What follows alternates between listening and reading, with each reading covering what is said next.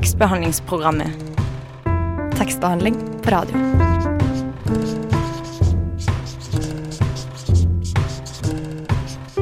Tekstbehandlingsprogrammet.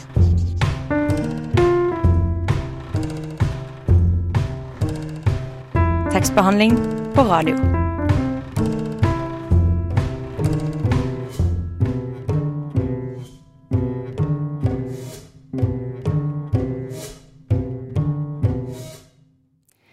Ja, velkommen kjære lytter. Du hører altså på tekstbehandlingsprogrammet, Radio Novas litteraturprogram. Jeg heter Sofie Meirones, og med meg har jeg kollega Sandra Ruud. Og Sandra, hva er det vi skal prate om i dag? Eh, vi skal prate om oversettelse. Spesifikt fra og til japansk og arabisk. Ja, for vi er jo glad i å lese, men eh, leser du ofte bøker på originalspråket? Eh, ja, jeg liker det. Men akkurat nå så leser jeg I Vargens tid, uh, aka Game of Thrones, første boka i Song of Ice and Fire.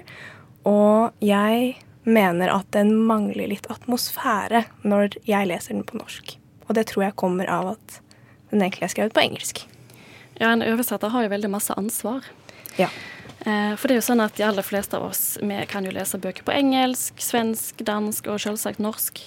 Men bøker på f.eks. japansk og arabisk, det er det jo de færreste som eh, kan lese. Så da må jo vi legge vår lit til dyktige oversettere. Og det er det jo kjekt å kunne bli litt bedre kjent med.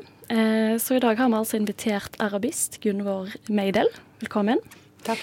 Og eh, så har vi invitert Ika Kaminka, som da er utdannet kunsthistoriker og har oversatt mange av Haruki Murakami sine bøker.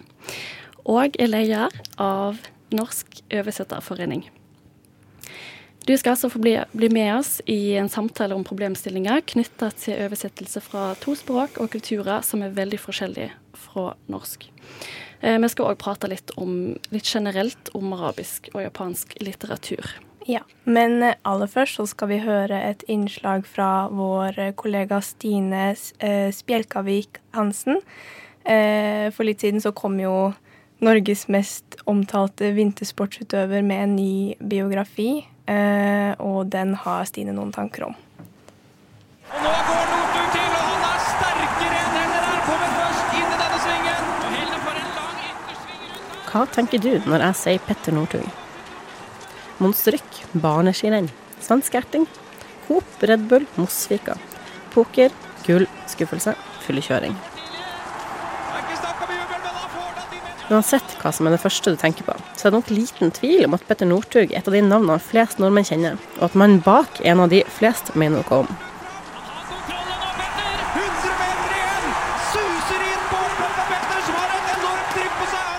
Spenninga rundt Northug holder på å bygges opp nå når vinteren nærmer seg, og skikongen er klar før sesongstarten på Beitostølen til helga. På samme måte prøvde forlaget Pilar å bygge opp interessen rundt boka 'Petter Northug min historie' da den kom for ca. to uker siden. Han snakker ut om fyllekjøring. Han beskyldes for å oute av Lars abort, men gjør han jo det? Jeg måtte selvsagt lese boka. Det skal sies at jeg er lettrørt, at jeg alltid har vært veldig fan av Petter. Men allerede et par sider innen den 244 sider lange boka var øynene våte for første gang. Northug forteller historien sin til Jonas Forsang, som for øvrig har skrevet bl.a. landets mest solgte biografi om Petter Stordalen, så han vet hva han driver med. Forsang er en effektiv og dreven forfatter. Er det noe ved historien som berører, så kjører de på med det. Forholdet mellom Petter og bestefaren. Outsideren som taper og taper og taper, men som gjerne vil vinne. Og som til slutt, tross all motstand, klarer det. Se på det rykket! Nå er det voksen skiløper eh, Petter Northug. Nå er du verdensmester! I boka forteller den sjenerte skiløperen som hisser på seg motstandere og lagkamerater med sine bredale utsagn og provoserende oppførsel om nettopp dette. Han forteller om oppturer og nedturer. Han legger ut om forberedelser og oppladninger til ulike renn av ulik betydning. Han går kort gjennom historien om den fatale byturen og den påfølgende kjøreturen i 2014, og arbeider for å komme tilbake på rett skispor etterpå. Det er boka er best, når han forteller i detalj om motgangen, medgangen og tankene som følger nevnte. Det er ikke så mye nytt av juicy karakterer mellom permene, men for folk som liker ski, sport, eller en av Norges mest profilerte menn, så syns jeg definitivt at den er verdt å lese. Northug slapp seg ikke sånn kjempelangt inn i tankene om dametilbud, Aylar eller eksen Rakel Nordtømme. Men det får være greit. Selv om alt rundt han kan være spennende og ikke minst salgbart for pressen, er det idrettsutøverne som er mest interessante. Jeg savner enda mer om hvordan han sjøl opplever presset for å være morsom og småprovoserende. Jeg ble skremt når eh, Dyrhaug stivna til siste bakken, for jeg har sett Dyrhaug stiv før, og da har han prestert bra. Boka tar litt for seg hvordan landslagsledelsen måtte holde han tilbake fra pressekonferanse, sånn at kollegaene også skulle få litt oppmerksomhet. Men det reflekteres lite om hans egen oppfatning av denne rolla.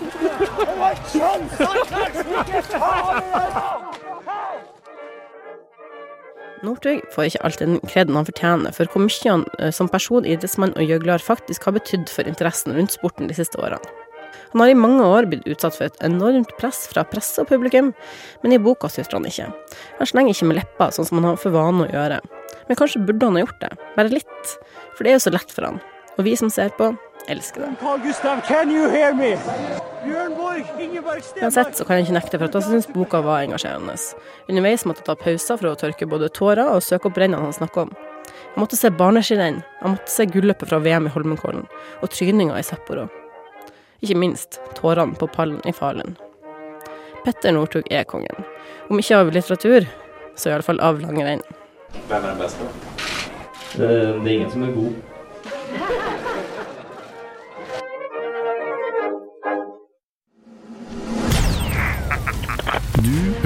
Hører på. På Radio Nova. Radio Nova. N-O-V-A Nova.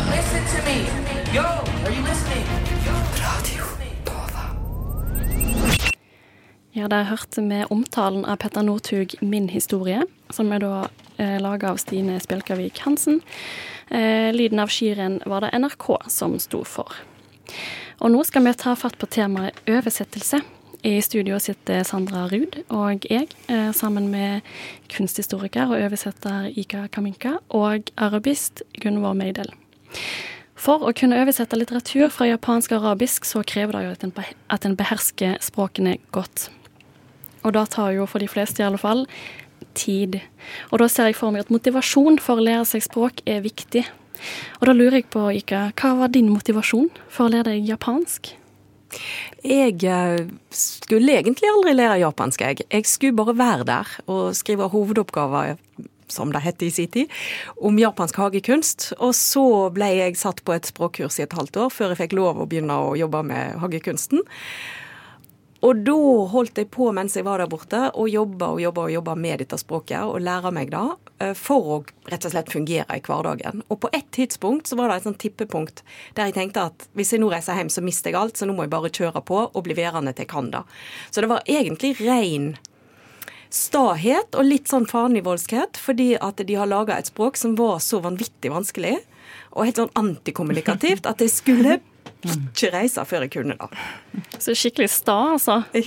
Men hvor lang tid brukte du på dette her? Det må jo ha tatt mange år, ser jeg for meg. Ja da, det tok jo mange år, men, og det må jo sies at jeg er jo ikke eh, flytende. Altså, jeg strever med, med japansken fremdeles. Jeg er ikke en av de som liksom bare det, det går lett for. Men jeg har Jeg pugga i tre og et halvt år mens jeg var der borte. Og hadde privatlærer. Jeg har ikke studert der egentlig um, noen gang. Um, ja. Og så holder jeg jo på å lære det. Jeg lærer jo litt for hver gang jeg oversetter. Også litt mer. Selvfølgelig.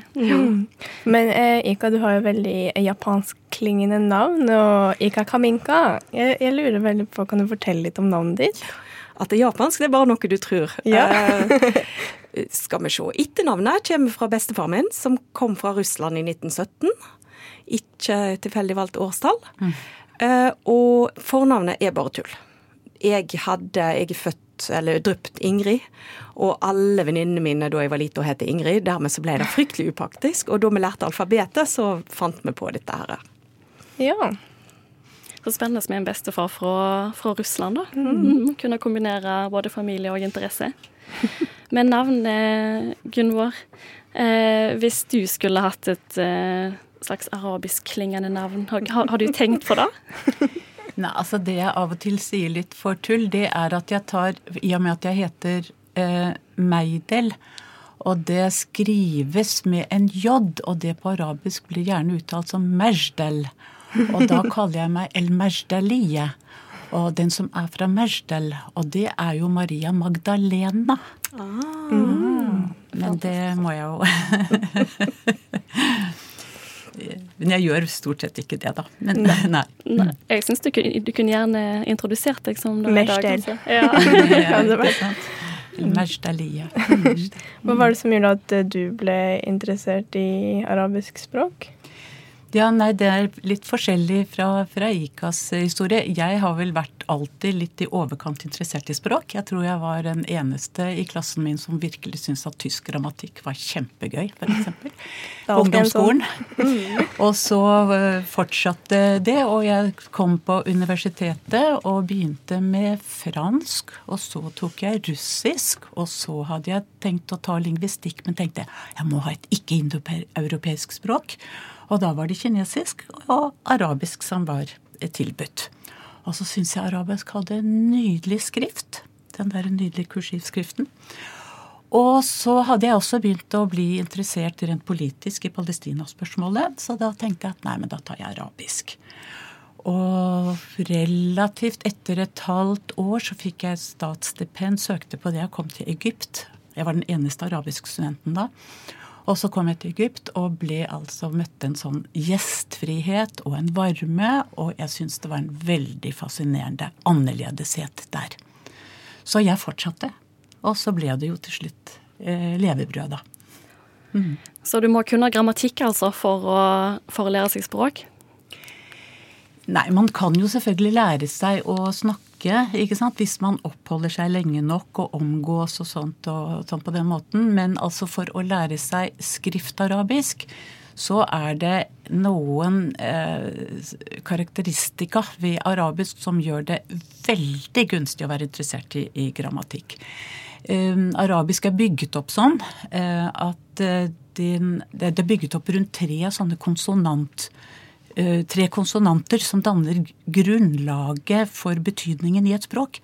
Og så er alle andre former som har de samme tre konsonantene, de er beslektet i betydning. Men hvis du skal slå opp et ord, så må du kunne vite mm. hva det er du skal skrelle av. Så du finner fram, for alle ordbøkene er organisert etter de tre konsonantene. Mm. Skal bare gi et veldig kort eksempel. Og det er da ordet for et kontor. Det heter Mactab. Og da kan du ikke gå til ordboka og slå på M. Nei. Nei. Du må gå til K og T og B. De er tre konsonanter som har med å skrive å gjøre. Og forstavelsen mæ, det er bare et sted hvor det gjøres. Mm. Så Mactab er stedet hvor det skrives. Å skrive heter ketab. En forfatter heter ketib. En bok heter kitab. Forstår? Mm. Ja. Dette var første leksjon. Ja, eh, men nå skal vi høre litt musikk. Eh, og da er det 'Never Say A' av Konradsen. Ja, eh, du kjære lytter har helt sikkert lest mange bøker som er oversatt fra fjerne språk, som f.eks. arabisk og japansk. Og tidligere i sendinga så ble vi litt bedre kjent med de som driver nettopp med dette eh, Gunvor Meidel og Ika Kaminka. Og når et språk er så forskjellig fra norsk, eh, og ikke minst kulturen, så må det være ekstra utfordrende å skulle oversette, tenker jeg. Og da lurer jeg på, Ika, hva slags utfordringer har du møtt på når du har oversatt fra japansk til norsk? Å oversette er jo å takle utfordringer uansett, tenker jeg. Og på sett og vis så er det enklere å oversette i en, forstand, en viss forstand fra japansk eller arabisk enn det er å oversette fra engelsk. Fordi at det er ingen som vet hva som har stått der. Når du oversetter fra engelsk eh, eller svensk, så er alle veldig oppmerksom på om du har såkalt Altså du, du har anglisismer i språket, om du ligger for nært opp til, og de gjenkjenner ord og uttrykk og sånn. Vi er helt, står helt fritt, kan finne på nett hva vi vil, og det er ingen som kan ta oss på noe. Nesten ingen. Sånn at eh, en, den friheten, den gjør det litt enklere. Men det er klart det er utrolig vanskelig. Og da vanskeligste for meg er vel egentlig å liksom få grep om hva som står der, og alt det som ligger i det som står der. Så har du utfordringer med at alt står i omvendt rekkefølge. Eh, sånn at eh, altså setningen er helt stokka om i forhold til Eller sånn som vi eh, tenker. Men også et argument i en argumentasjonsrekke en, eller en fortelling har en tendens til å være liksom strukturert på en annen måte. Sånn at en må Samtidig som en skal forsøke å holde seg til de setningene som står i boka, fordi at oversettelse handler om å skrive det som står der, og ikke finne på ting sjøl, så skal, må en forsøke å kna det til sånn at det, det kommer, at flyten bevares. Og så er det jo alt da med det kulturelle og alle de assosiasjonene eller sånn som ikke en forstår. Og så til sist, og kanskje det aller viktigste og det aller vanskeligste og det aller gøyeste, og hele grunnen til at en holder på med dette, ligger jo i språket og rytmen. Og da å få klangen og rytmen og drivet i en fortelling, et dikt, en setning, til å også klinge litt på samme måten på norsk. Det er jo det det handler om. Mm. Ja, jeg leste et intervju med deg, Ika, der du sa at Murakami, som er da en Mhm. japansk forfatter, Haruki Murakami, at han skriver litt sånn hardt eller kantete. Men ja. er det et mål da når du oversetter å få fram skrivestilen til forfatteren, eller prøver du å lage litt en egen stil eh, når du oversetter? Jeg tror at alle lager sin egen stil, uten en, enten en vil det eller ikke, fordi at vi er bare ett menneske og har bare så mange ord i kroppen. Men eh, jeg og alle oversettere jeg kjenner, forsøker jo, går jo over lik nesten, for å på en måte bringe den stilen og den stemma som ligger i originalteksten, fram til leseren. Så det, en vil jeg, altså jeg vil aldri tro at noen forsøker å lage sin egen stil, men den skinner jo gjennom. En oversetterens stemme vil jo alltid skinne gjennom i, dos- i oversettelsen, enten en vil det eller ikke. Ja, det er jo sant. Mm. Har eh, du møtt på noen sånn utfordringer, Gunvar, i forhold til å oversette fra eh, arabisk og til norsk? Jeg kjenner igjen veldig mye av det som Ika sier, eh, selvsagt. Jeg hadde en eh, bok som jeg slet veldig med å finne den gode rytmen, og det var fordi at hun hadde en veldig spesiell måte å skrive på. Dette er en bok om eh, kvinner fra folkelige lag, og de har en sånn muntlig måte å fortelle på. De begynner med noe, så bare fortsetter de med noe, og så fortsetter og så fortsetter, og så henger de på og henger de på og henger de på. Og det går veldig fint på arabisk fordi du har etterstilte adjektiv og etterstilte allting, men på norsk så kommer adjektivet foran. Og hvordan jeg skulle få til dette her med å Mm. lage en sånn kjede som virket naturlig, og ikke ble bare sånn en rekke med som-setninger som, som, som, som, det slet jeg eh, veldig mye med. Og så liksom, plutselig så gikk det litt opp, og så klarte jeg, syns jeg da, med ganske stort hell, å få gjennom den, den rytmen i, i boka. Hvilken bok var det? Det er den boka som faktisk ligger her. Jeg liker så godt å holde det. Salwa Becker, 'Den gylne vogna stiger ikke til himmels'. Det er en egyptisk forfatterinne, antagelig den mest kjente kvinnelige forfatteren i Egypt. Jeg syns den er en kjempefin eh, bok. Eh, og da kan jeg kanskje smette inn at jeg syns jo det er altså sånt som vi sliter å holde på med. Dette Murakami er jo veldig kjent, men ellers det blir veldig dårlig presse på det. Det blir lite gjort, det blir lite omtalt. Å ja, Eh, absolutt. Ja. Ja, helt ærlig så må jeg si at uh, arabisk litteratur, for å ta det i den samlede betegnelsen, er noe jeg kan, personlig kan veldig lite om. Ja, jeg er helt enig. Jeg har lyst til å si til dere og til lytterne også, det er, noe, det er et nettsted nå som, heter, som drives av en som heter Perlinle Myhrvold, som heter lesarabisk.no. Og der er, er, er det en liste over alt som er oversatt fra arabisk og til norsk. Og det er faktisk en veldig lang liste. Mm. Eh, Så man kan se litt hvordan det har utviklet seg. Og der står det om det er oversatt direkte fra arabisk eller via engelsk eller fransk og sånt. Det så Det er veldig jeg- veldig fin hvis man har lyst til å begynne å plukke opp det. Julegavetips. Julegavetips. Det tror jeg mange vil sette pris på at det er et sted som er så tilgjengelig. da, At du bare kan gå inn der og finne noen titler og sånn. Gunvor, jeg lurer også på uh, uh, Ibsen in translation. Uh, det er jo et prosjekt der eh, tolv Ibsens verker oversettes til ni språk. Eh, og du er jo involvert i dette. Jeg lurer på hvorfor du valgte å involvere deg? Eh, nei, eh, som jeg sier Altså Det som var utgangspunktet akkurat for den arabiske, var jo at da det var 2006, så var det jo Ibsen internasjonalt år, sånn jubileumsår. Og da ble alle Ibsens oversettelser til arabisk eh, samlet og utgitt på nytt. Altså eh, via Utenriksdepartementet og ambassaden som kom ut med den.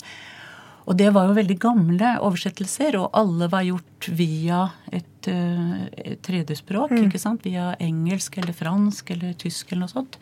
Og da var det ikke mitt initiativ egentlig, men jeg kom litt tidlig inn i det. da. Det var snakk om også at alle Ibsens verker eh, skulle nyoversettes, da, og direkte fra norsk Mm. også til. Så da eh, kom jeg eh, Så jeg var i kontakt med den tidlig. Og så kom jeg mer inn som en som skulle vurdere særlig i hvilken grad da den oversetterne hadde forstått den norske teksten. For dette var, eh, var jo for egyptere som kunne norsk, men du vet, Ibsen er jo også gammel og sånn. Mm. Jeg ville jo aldri selv ha påtatt meg å oversette til arabisk. Altså Hvorfor ikke det? Nei, min arabisk er ikke god nok på det, Ja. den måten. ikke sant? Man har ikke den samme liksom, litterære følelsen og, Mm. og sånn. Så jeg syns jo det er jo stort sett det vi driver, altså holder på som oversetter, at du bør oversette til det språket du kan best. Ja. Ordentlig. Og så bør man jo selvfølgelig kunne det språket man, og kulturen Oversetter man fra, oversetter ja. Og så mye som det er mulig. Men Mm. eh, så må man jo bruke hjelp også fra andre og spørre og sånt. Og begge de to bøkene jeg har, har jo vært med nålevende forfattere, så jeg har hatt anledning til å spørre dem mye underveis om Mm. hvordan det er. Og det skal vi snakke litt bedre om senere, faktisk. Men eh, først så er det 'Sorry No' med Pellicat. Ja, der hørte vi 'Sorry No' av Pellicat. Og i studio sitter Gunvor Meidel, Ika Kaminka og kollega Sandra. Meg, Sandra Ja. Ruud. Og meg, Sofie. Eh, Og tema for dagens sending da er oversettelse eh, og arabisk og japansk litteratur. Vi var litt innpå det før eh, vi hørte musikk.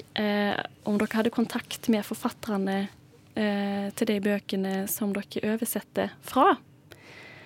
Har du møtt f.eks. Murakami Ika? Ja, jeg har møtt han flere ganger, eh, og han, er, han svarer alltid raskt hvis jeg lurer på noe. eh, Så, sånn sett så er det helt greit. Men jeg har som egentlig som prinsipp når jeg oversetter, at det første jeg gjør, er det å ta livet av forfatteren. I mer sånn så si bartiansk forstand. Eh, og overtar ansvaret for teksten sjøl. Dette er ikke alltid tilfellet, da jeg har oversatt noen diktsamlinger der kontakten med eh, forfatteren har vært helt uvurderlig, for ellers så hadde jeg ikke mulighet til å skjønne hva som foregikk i de, eh, en del av de tekstene. Men jeg opplever da at mange forfattere eh, er mer opptatt av at teksten skal, skal, si, skal nå fram. Eh, og er veldig villig til å gå på akkord med sin egen tekst. Sånn at jeg opplever at mitt troskap når jeg oversetter, er til teksten og ikke så mye til forfatteren. Så jeg er nødt til å skyve han vekk i bakgrunnen og sjøl være konge over teksten. Og så kan jeg plukke forfatteren fram igjen helt på slutten hvis det er noe jeg virkelig ikke klarer å finne ut av. Hvis han lever, da. Men jeg har også oversatt en del døde forfattere, Mm. og da nytter det jo ikke. Da må en jo heller ty til forskningslitteratur og den type ting. Og du, Gunvor, du, du hadde jo vært i kontakt med den gylne vogna-forfatteren. Ja, jeg gjorde det, og, og akkurat med den så følte jeg at det var litt nødvendig. fordi at denne forfatterinnen her, hun driver, altså hun snakker om disse litt sånne fattige eller lavere middelklasse kvinner og sånt, og de har så mye sånne ordspråk Mm. og sånne ting, og muntlige og sånne ting. Men så vil hun skrive standardarabisk. Hun vil ikke skrive dialekt. Men det ligger under i teksten, og jeg var litt redd for at jeg ikke skulle kunne fange de opp. For hun på en måte transformerte disse veldig muntlige måtene å tale altså ordspråkene og sånn. Og idiomene, da. Og så gjorde hun det om til standardarabisk. Så det var ikke noe lett å se Oi, sånn her har vi liksom en sånn en egyptisk lite ordtak eller munnhelling eller noe sånt. Og det var noen ganger jeg liksom lurte på det, og jeg, så jeg kontaktet henne for å hjelpe meg til å finne ut hva var det, ikke sant, hvor lå disse her. Jeg, jeg oppdaget noen selv, men i og med at jeg da ikke er så ikke sant, eh, innbarket med, Ja. med kulturen, så syns jeg det var, jeg var redd jeg skulle miste for mye av det. Og, så det var veldig interessant. Så jeg har satt med henne, eh, og hun åpnet jo systemet. Det var veldig hyggelig. Jeg satt og snakket om det. Med den andre så hadde jeg ikke de problemene, så da gjorde jeg det mer sånn også at jeg gjorde nesten sånn tekst, men så var det noen spørsmål jeg hadde. Eh, Blant annet f.eks. om et ord der, om jeg virkelig skulle bruke det. Det en, var en sånn maktesløshet som denne hadde. Skulle jeg, skulle jeg bruke ordet som impotent, f.eks.?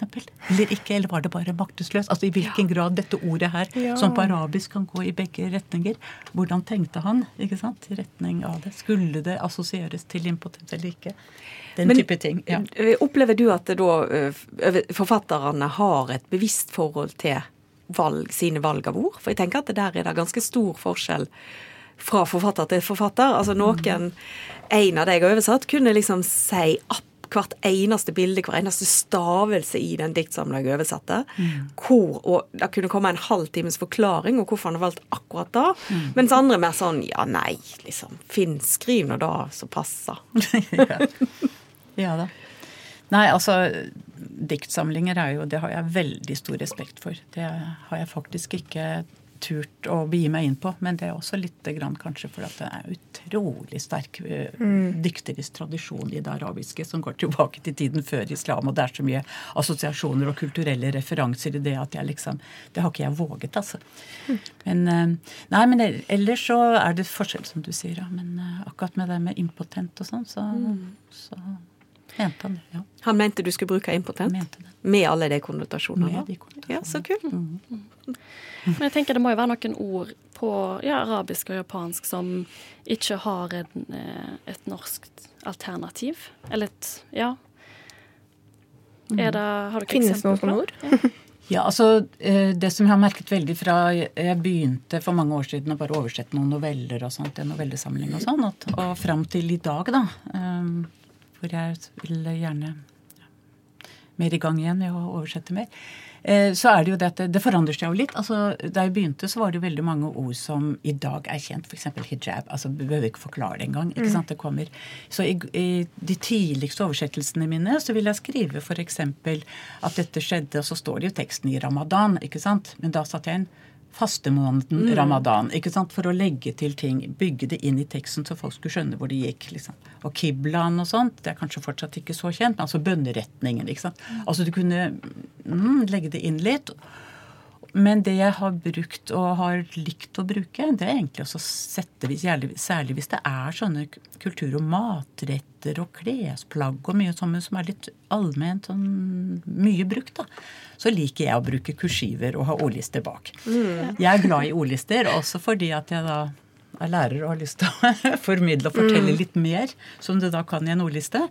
Eh, Fotnoter skal man jo ikke ha i skjønnlitterære verker. Iallfall veldig sparsomt med det. Jeg tenkte, tror du det noen gang går litt på bekostning av leseflyten? At man har mye fremmedord i, i det skjønnlitterære? Ja, men samtidig så syns jeg det å bygge det ut for mye forklaringer igjen, Ja. det syns jeg også blir litt søkt, og Mm. ødelegger. For da blir det liksom for mye rundt det. Det er jo bare et enkle begrep. Det er en hårfin balanse, altså.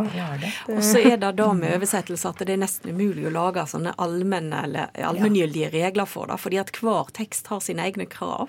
Hvert ord i hver tekst har sine egne fordringer, på en måte. Det kommer helt an på hvorfor det er der. sant? Er det, er det ordet eh, brukt fordi at det skal få deg til å se for deg et helt spesielt bilde, i hijab f.eks., eller er det brukt fordi at det er skal si noe om personen, skal fortelle noe om personen. Er det brukt pga. lyden?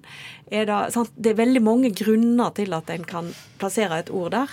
Og da må en finne ut hvorfor, og så må en eller forsøke, og forsøke å oversette det som er det viktigste. Altså få til at det viktigste med det ordet kommer fram i teksten, tenker jeg. Mm. Ja, det er jo budskapet som forfatteren vil ha fram, som òg Ja. skal komme fram Ja. på godt norsk. Det skal det. Men nå Mm. skal vi ikke snakke om, eh, om arabisk og japansk, men skal høre litt eh, arabisk. For du, eh, Gunvor, har valgt en sang, og den tenker jeg kanskje du kan få lov til å introdusere sjøl og si et par ord om, hvis du vil. Ja, jeg kan iallfall si litt om selve Altså sangerinnen Feiroz. Altså, dette er jo en dame, hun er vel 84 år og sånt nå. Så hun er, jo, hun er jo en av de helt to store, store stjernene i, fra 50-, 60-, 70-tallet. Iallfall 80-90, kanskje. Hun har jo en veldig veldig lang karriere. Så det er to sånne lysende, sånn nærmest nyklassiske stjerner. da, Og det er eh, Feiroz fra Libanon, og så er det Om Kulsum fra Egypt. De er veldig kjente. Eh, og når jeg skulle velge her, så er det liksom Om Kulsum er litt tung kanskje, og har ofte veldig lange liksom, eh, låter, for å si det sånn. Eh, Men begge er helt sånn ikoniske for eh, arabisk kultur. da. Feiroz har jo en utrolig vakker eh, stemme. Eh, Hun har en sånn kristen bakgrunn fra Libanon. Hun synger en del sånne religiøse sanger også. Også synger hun politiske sanger. Hun har en fantastisk om Jerusalem, El-Quds, altså Palestinas hjerte og sånn. Og så synger hun kjærlighetssanger. Masse nydelige kjærlighetssanger. Så, og hun har alltid hatt store poeter med seg eh, som lager eh, tekstene. Og dette som vi nå som er plukket ut, litt også for at den ikke var for lang, eh, det er jo en veldig sånn, litt sånn nostalgisk og sår kjærlighetshistorie som hun synger. Hun hun snakker om hvordan da man kan merke kjærligheten. altså Det er litt som ord i sand som blir borte. Det er en dame som også tviler litt på hvor dyp kjærligheten til denne elskeren hennes egentlig er, om han vil glemme henne og bli borte. Så det er Mm. den. Ja, eh, da er vi tilbake her i studio, og eh, vi har fremdeles med oss Ika og Gunvor. Og nå skal temaet gå litt over på dialekter. Eh, for mens musikken eh, spilte her, så kom vi litt inn på talemål, eller det som jeg liker å kalle for dialekter, da. Men du, eh, Gunvor, mener at talemål er det rette, i alle fall når du snakker om den arabiske verden. Eh, Ja, jeg liker å gjøre det. For det som den arabiske verden har et felles skriftspråk. Det er litt sånn som latinen var i middelalderen. Og det må du være velutdannet for å mestre. Og det er jo det som da forfatterne skriver på, iallfall inntil relativt nylig. Så har de bare brukt det. Og det er den eneste normerte eh, skriftformen. Så snakker jo folk da vanlige hverdagsspråket deres. Så det er ikke egentlig riktig å bare si dialekter, for dialekter blir så veldig lokalt. Men talespråket deres det varierer jo veldig fra land til land. Det er snakk om 18 land her. ikke sant? Det fra, går jo helt fra Irak og ut til Marokko. Og ytterkantene er ikke nødvendigvis forståelige. Jeg tror det er litt sånn som norsk og islandsk. Altså Du hører at det er noe der, men altså det er allikevel såpass forskjellig. Eh, og så er det slik at da standarden, altså Normen har jo alltid vært at alt som er skriftlig, skal være på standard arabisk. Så det er en relativt ny trend at folk da begynner å skrive talemålene. For de er ikke normerte. Det finnes ikke noe måte, felles måte å skrive det på. Så det, det kommer opp til den enkelte forfatter. Um, så har det lenge vært slik at du kunne skrive narrativene, ikke sant, det fortellende der, på standardspråket, og så kunne du skrive dialogene på talemålet. Ja, Jeg må bare skyte inn et spørsmål her. Ja. Standard arabisk skriftspråk, snakker noen da? Eller er det bare Et skriftspråk? Bare Det har skriftspråk? alltid vært bare ett skriftspråk. Det har aldri vært talt av noen. Det er en, nei. Eh, noen mener at Mohammed sa det, men det er, eh, språkforskerne mener at det aldri har vært. At det alltid har vært et kunstspråk. Til og med i tiden før islam var det brukt bare til sånn kunstspråklig diktning. Og da må jeg få lov til å spørre, hvordan skriver en dialekt på arabisk? Altså hvordan arter det seg Mm. i skriftspråket? Nå er det arabiske alfabetet veldig gunstig akkurat for det. For det første så skriver man ikke korte vokaler på, på, i arabisk skrift. Slik at du har et slags skjelett, om du vil. Men du skriver bare konsonantene. Og veldig mye av det som er forskjellig mellom både mellom dette standardspråket og, og talemålene, og mellom disse talemålene, har mye med, har mye med stavelsesstruktur og vokalforskjeller å gjøre. Absolutt ikke alt. Men altså, så du har en del prefikser og sånt som du bare bruker i en dialekt og sånt, som du må legge til hvis det er konsonanter. Men ellers er det mye som er skjult. Og det betyr egentlig at du kan også lese noen tekster litt sånn litt vagt. Hvor er jeg nå? Eh, dette må kreve mye mer for å forklare ordentlig. Altså med ja. noen eksempler. Men altså jeg sier det ligger noen muligheter der. Men stort sett så kan de De går inn, de tar det liksom på øret. Og det er jo et alfabet ikke sant, hvor de, de skriver det inn, men det er veldig mye som ligger skjult der. Mm. Så hvis de skal virkelig vise at her skriver jeg nå egyptisk-arabisk og ikke standardspråk, så må du f.eks. bruke nektelsen mish istedenfor læ og lem og sånn. ikke sant? Da, da sier du her. Dette er egyptisk. Men mange ting kan også ligge litt og vake. Og noen kan til og med lage tekster som jeg kaller bivalente. da. Du kan til og med lure på er den kan leses på begge måter. Og dette her er noe som har eh, på en måte, som begynner nå, som er nytt? Eller? Ja. ja, eh, det er det. Altså bortsett Det å skrive dialekter på talemål, det har, eh, har de holdt på med siden 1920-tallet omtrent. Med dette nå. Og det her kommer inn også med bloggerne. Nå kommer vi inn med internettet. Da sitter det ingen sånne sånn sensurelementer. Sitter ingen i forlagene og sier at du får ikke lov å skrive sånn, du må skrive sånn. De kan skrive akkurat som de vil, og de kan blande standardspråk og dialekt, og til og med litt engelsk og fransk inn i tekstene. Altså Det er en helt ny sånn frihet som ligger i det. Det tror jeg nok gjelder store deler av verden. ikke sant, en ny mm. sånn frihet. Men uh, veldig veldig viktig for den nye litteraturen i den arabiske verden. Ja, Så nå du, er det interessant. Altså. Tror du at narrativen også etter hvert vil bli kunnet skrevet på dialekt ja. og ikke ja, og, Eller talemål? Ja. ja, eh, altså vi har allerede fått de første romaner som er skrevet rent på talemålet. Mm. Og jeg tror det kommer mer, og det er folk som blander det. Altså ikke bare kodeveksler mellom dem, men som også blander dem. Så det er veldig spennende hva som skjer innen nær fremtid nå. Mm. Ika, hvordan er det i, eh, på japansk med dialekter? De har jo utrolig mange dialekter. De har det omtrent eh, forhold til dialekt sånn som vi er, tenker jeg. Bortsett fra at de har, eh, i motsetning til oss, et veldig sterkt sånn standardspråk som snakkes i Tokyo og på alle utdanningsinstitusjoner og sånn som en må lære seg hvis en skal opp og fram her i livet. Litt sånn som i England, f.eks. Men eh, på japansk så for det første så skriver en jo da En har skrifttegn som eh, det, gir det det semantiske innholdet. Mm. Og så har en fonetisk alfabet som en setter på som en hale etterpå, av og til før, eh, og knytter sammen. Og der utspiller grammatikken seg, og der utspiller også dialekten seg i veldig stor grad. Sånn at en kan skrive Det er ikke vanskelig å skrive dialekt på japansk. Eh, men dette begynte også i Japan Eh, så er det ganske nytt. En skjønt jeg hadde tenkt at det var ganske gammelt inntil du sa at 1920-tallet var nytt. Eh, fordi at det, det fantes da en sånn språkreform eh, på slutten av 1800-tallet som Inntil da så hadde en hatt et skriftspråk som var helt atskilt fra talespråket. sånn at det var nesten ikke mulig, eller det var ikke relevant egentlig hvordan en snakka. Men da fikk en en reform som gikk ut på at det skulle være ett mellom tale- og skriftspråk. Noe det ikke er, men det er, mye, det er mye nærmere enn det pleide å være. Og det har muliggjort det, og det er ganske mange forfattere som skriver på dialekt. Og forfatt, japanske forfattere bruker dialekt i ø, romanene sine i mye større grad enn nordmenn gjør. Til å karakterisere mm. folk, til å skape kan du si, spenning eller Altså rytme rytmiske forskjeller, spenning i teksten, som ikke bare går på at noen kommer derifra, kommer fra landet eller kommer fra kysten, eller sånn, men også til liksom skape rytmiske uh, foran... Eller mm. spiller på, da. Ja, for i, ja, i Kafka på stranda, som ja. er da oversatt eh, til norsk, så mener jeg at du har brukt litt norske dialekter mm. i den norske oversettelsen. Ja. Og da har Murakami òg brukt han har brukt dialekt? Ja, ville, dette, eh, for En oversetter vil jo aldri finne på å bruke dialekt hvis det ikke står dialekt i originalen.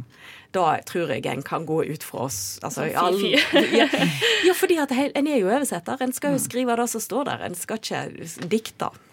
Eh, og når det er dialekt i originalen, så tenker jeg at de fleste vil da foreta en vurdering av hvorfor er det dialekt her. Hva, hva er den brukt til?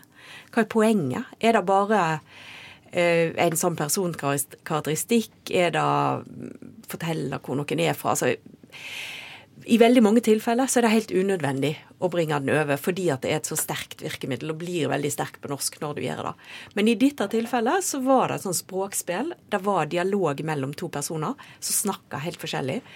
Og hvis du tok vekk dialekta, sånn som en gjorde i den engelske oversettelsen, så falt hele den delen av boka flatt til bakken, spør du Mm. Sånn at, fordi at nesten alt i den delen av boka skjedde i språket, og ikke i veldig lite i handlinga. Mm. Ja, Vi har jo noen sterke karakteristikker på dialekter i Norge òg. Mm. Så det er jo selvfølgelig effektfullt hvis det er et norskt ord, da. Mm, samtidig så kan du kan jo få litt gale assosiasjoner òg. Ja, hvis det- dialektene er så Ja. veldig assosierte med ja, ting. Absolutt. Ja. Og, og da er jo et problem. sånn at i den dialekten og i den boka så forsøkte jeg Jeg begynte med én spesifikk dialekt, men så ble den mer og mer abstrahert. Sånn at jeg har forsøkt å skape min egen dialekt. Sånn at folk sier 'Å ja, det er Østerdalen, det er Trøndelag, det er eh, Hallingdal, det er sånn og sånn', men det er det ikke. Hva slags dialekt brukte Har du bare brukt en blanding? En blanding, ja. Ja. Så meg, en god del sånne ord og vendinger fra Hallingdal, men uh, ikke Altså, den er ikke, det er ikke en hallingdøl-dialekt. Vi skal snakke litt mer om eh, Haruki Murakami, men først eh, skal vi høre kollegaen vår, Torolf Høstmeldingen, som eh, Har sterke meninger om oh, ja. eh, Murakamis bøker. Ja. Rett og slett. Mhm. Hei, jeg heter Aune, og du må høre på tekstbehandlingsprogrammet. Fordi kunnskap og viten, det er det mest vidunderlige på denne. Jeg tror det første jeg hadde brent, er eh, Haruki Murakami, fordi alt hva Haruki Murakami han skriver Fordi det er dritt. Det er rett og slett bare crap. Jeg har ikke lest uh, Jeg har ikke lest eh, Jazz After Dark. Jeg har ikke lest eh, IQ1Q84. Jeg har ikke lest uh, Brenne ting du ikke vet hva er. Nei, jeg har prøvd. Det er bare dritt. Hele dritten. Det er bare dritt.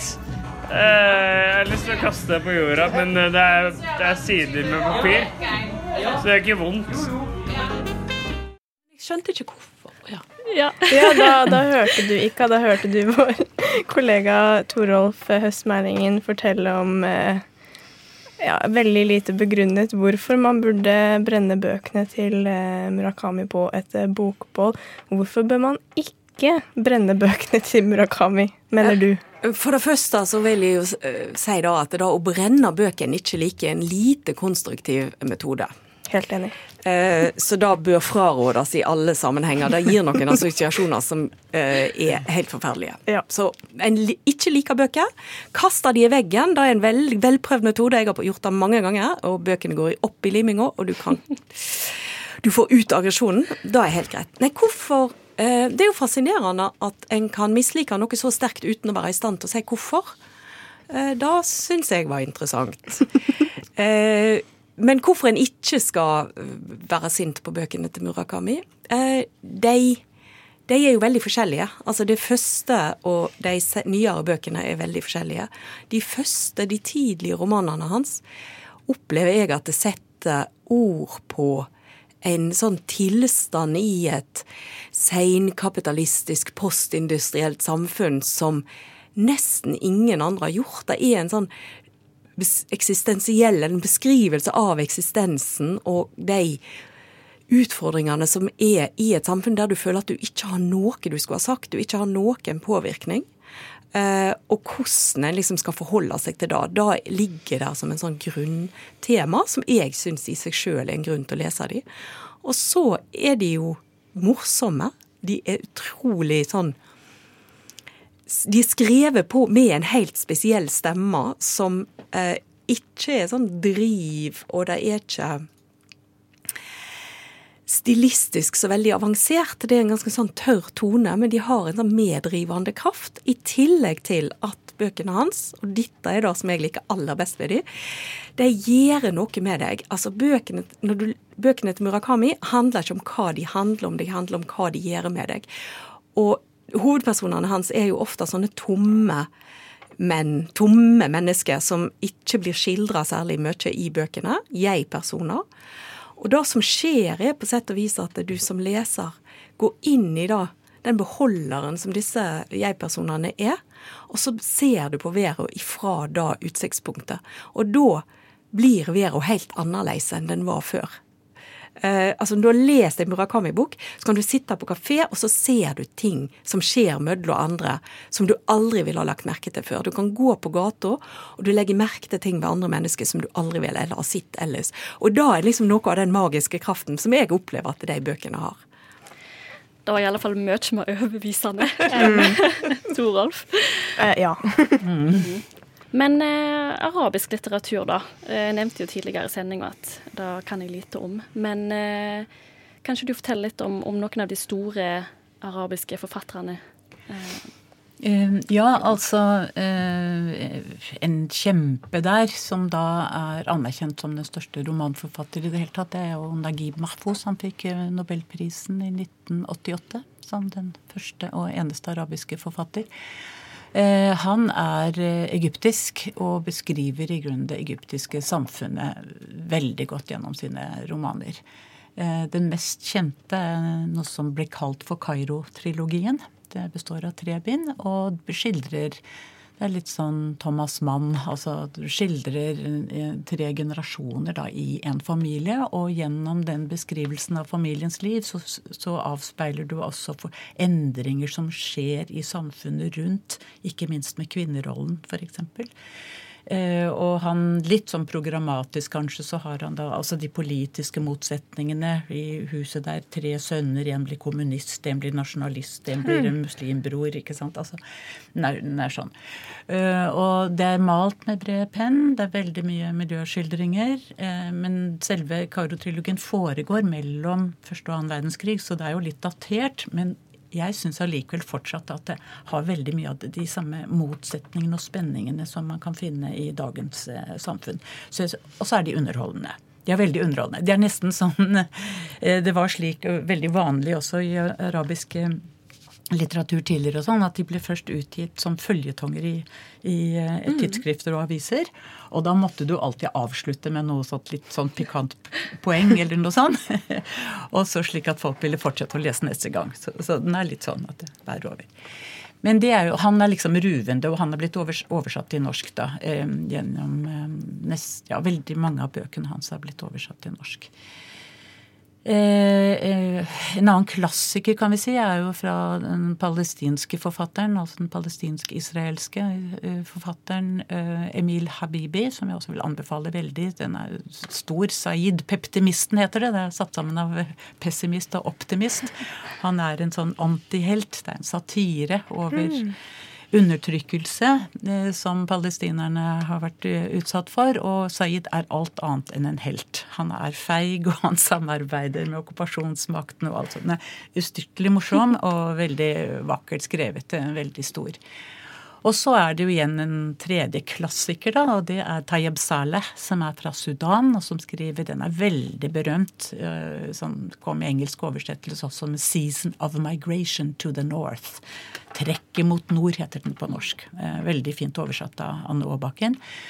Og og Den beskriver hele kan du si, nord Vi snakker om øst-vest-konflikten, nord-sør-konflikten. Og denne hovedpersonen som da kommer fra Sudans indre. Og han er mørk, og han er, kommer til Europa, kommer til London og blir utdannet. Og sånt. Og så forfører han alle disse britiske damene. Han er flott. Altså. altså, og hevnmotiver og sånn. Rike, eh, veldig rike, alle de klassikerne. Så kommer det jo Det det er jo Dette kunne vi snakke veldig lenge om. Eh, Du var litt inne på hva skriver du om nå. altså Den arabiske verden har jo falt veldig stygt sammen de Mm. senere årene. Det som skulle love å bli en ny vår, ble jo Absolutt ikke det. Helt forferdelig tragiske konsekvenser. Aller verst i Syria, selvfølgelig Jemen, men også fryktelig vanskelig ellers. Og det mine ja, det, det, man gjerne snakker om nå, er jo at den nyere litteraturen som gjenspeiler dette her altså Det er veldig mye sånne dystopier mm. som kommer nå. De er veldig mørke. Eh, veldig lite håp. Det er tung og deprimerende eh, litteratur. Mm. Um, så Men vi må dessverre runde av der. Eh, for nå skal vi høre Sandra. Mm. Ja, nå skal vi ha, ikke med meg, men med vår kollega Anna Witt. Eh, hun skal ha et innslag, for eh, Anna er veldig fan av Olav H. Hauge. Og har spontantolket to av diktene hans, men kanskje ikke helt etter oppskriften. Jeg har en liten hobby som heter spontanfeiltolkning av dikt. Det var løgn. Jeg har aldri hatt noe navn på det. Bare hørtes litt kulere ut da. Men det er i hvert fall noe jeg syns er gøy å gjøre. Kanskje er det et slags oppgjør med alle teite diktanalysefasiter man har fått levert av lærere opp gjennom skoletiden. Jeg tolker dikt som jeg vil, og aller helst feil. Olav H. Hauge er kanskje favorittofferet mitt for denne leken. Ikke misforstå meg, jeg er skikkelig fan av Olav H. Hauge. Jeg tror ikke Olav hadde hatt noe imot denne leken. Ja, det er det som er poesi for én. Det er ikke sagt det er poesi finner han. Nei, nettopp. Der ser du. Men det er jo ikke noe hemmelighet at språket hans ikke er det letteste å forstå alltid. Noen ganger kan det føles ut som man leser et helt annet språk. Dette er noe av det jeg liker med dem. At de er små labyrinter. Men hvis noen som hører på nå, har pekefingeren og Olav H. Hauge diktanalysefasiten sin fra ungdomsskolen klar nå, kan dere bare pelle dere vekk. For her kommer to dikt fra samlingen Dråpar i austavind, spontantolket feil, av meg. Det første heter Vakemann. Vakemann, vakemann, ventar på Nappi, nedanfrå. Hell han, det er ikke så fålegg, så lenge fiskane er små. Frosen stend han på isen, og støft lyt han eine stå. Eg likar vakemann, han viser oss nappa fra strand. Mer kan ikke han. Ok, for det første har jeg ingen verdens idé om hva en vakemann er for noe. Men vake, det høres ut som våken, og mann, det er jo en mann. Så da er det en våken mann. Hæ? Var det noen som sa noe? Ja. Å ja. Hei, hei, Olav Hauge. Sa du noe? Dette er stygt å si. Nei, du sa jo i stad at eh, det var lov å tolke dikt som man ville. Ja, det er nå bare noe jeg har sagt. Det, ligger vel en viss mening i det, men uh... Ja, men la meg fortsette, da. En mann som har stått opp fra sengen sin midt på natten fordi han ikke får sove. Ok, neste linje. Vakemann venter på Nappi nedanfrå. Nappi, det må være fra engelske nap, så altså en blund. Den våkne mannen får ikke sove, så han står bare og venter på at blunden skal komme til ham. Og så held han her er det vel jeg-fortelleren sin stemme som spretter inn og er bekymret for den våkne mannen. Holder han? Holder han seg oppreist? Og videre, det er ikke så forlegg så lenge fiskene er små. Nei, det er visst ikke så farlig om han står oppreist, men han fisker.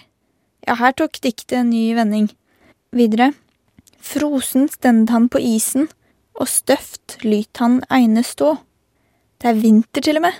Han har stått opp fra sengen og gått ned for å isfiske midt på vinteren. Støft, det må være en skrivefeil for tøff. Han er tøff som står på isen. Det er han i. Nei, jeg, jeg, jeg, vil si det slik at det Ok, men det er det jeg tolker det som. Videre. Jeg liker vakemann. Han viser oss nappa fra strand. Ja, vet du, Olav, jeg begynner også å like denne våkne mann. Men i stad så tolket jeg jo nappa til blund men et ord kan jo ha flere betydninger, og her tror jeg det er et napp. Han har fått napp ute på isen, midt på natta. Og man kan se det helt borte fra strand. Stranda. Så stor er fisken. Og til slutt mer kan han ikke. Hæ? Det syns jeg var urettferdig mot ham. Han kan jo masse. Modig er han som står opp midt på natta når han ikke får sove, går ned til isen og fisker en svær fisk. Det er ikke bare bare, Olav.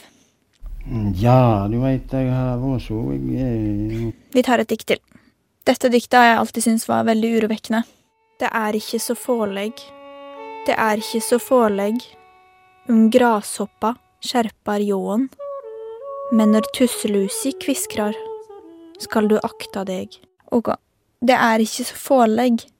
Det er en betryggende setning. Her får vi snart høre om noe som ikke er så farlig, noe vi ikke trenger å bekymre oss for. Det kan alle trenge å høre.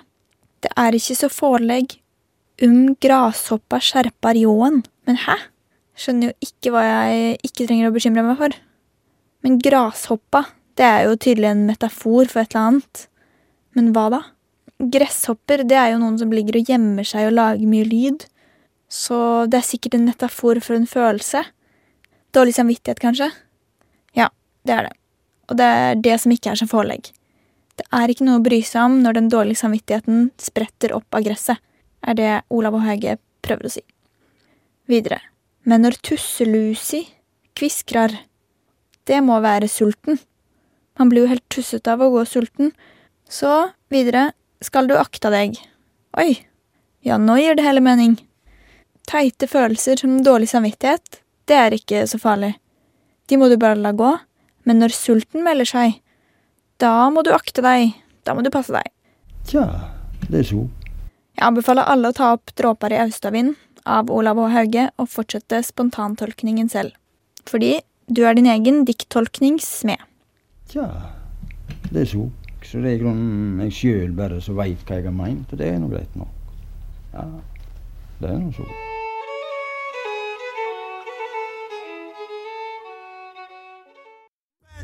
Er du hypp på å lese en bok, eller? Ja, der hørte vi eh, Anna Witt tolke to av diktene til Olav H. Hauge fra samlingen 'Dråpar i Austavind'. Ja, og helt til slutt her, eh, Ika Kaminka, så vil vi ha noen flere tips til japansk litteratur. Det er jo kommet veldig mye de siste åra. Det er en hel ny generasjon med oversettere som holder på å oversette japansk litteratur. Så det har kommet masse, men det jeg vil begynne med å anbefale, er en antologi som er alle som oversetter japansk, har vært med på, som kom i vår og heter Knakketi knakk. Korte fortellinger fra japansk. Eh, med noveller fra de siste vel 100 åra. Eh, og den er virkelig veldig variert, og der får en alle de store forfatterne eh, i japansk litteratur de siste 100 åra. De er med der.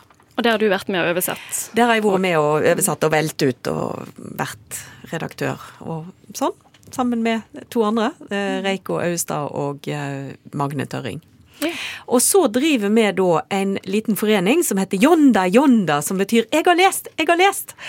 Uh, som er for Foreningen for litt, japansk litteratur i Norge. Og vi har også ei nettside, nett som uh, araberne har, uh, der en kan lese om nye bøker som er oversatt fra japansk, og der det også er ei liste som er relativt komplett over alt som er oversatt av japansk litteratur til norsk. Jonda Jonda.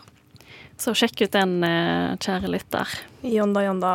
Um, tusen takk, Gunvor og Ika, for at dere har vært med oss i studio i dag. Uh, og snakket om oversettelse fra japansk og arabisk. Tekstbehandlingsprogrammet er dessverre over for denne gangen, men du kan alltids høre oss i uh, din lokale podkast-app, eller oppsøke oss på Instagram og Facebook. Tekstbehandlingsprogrammet.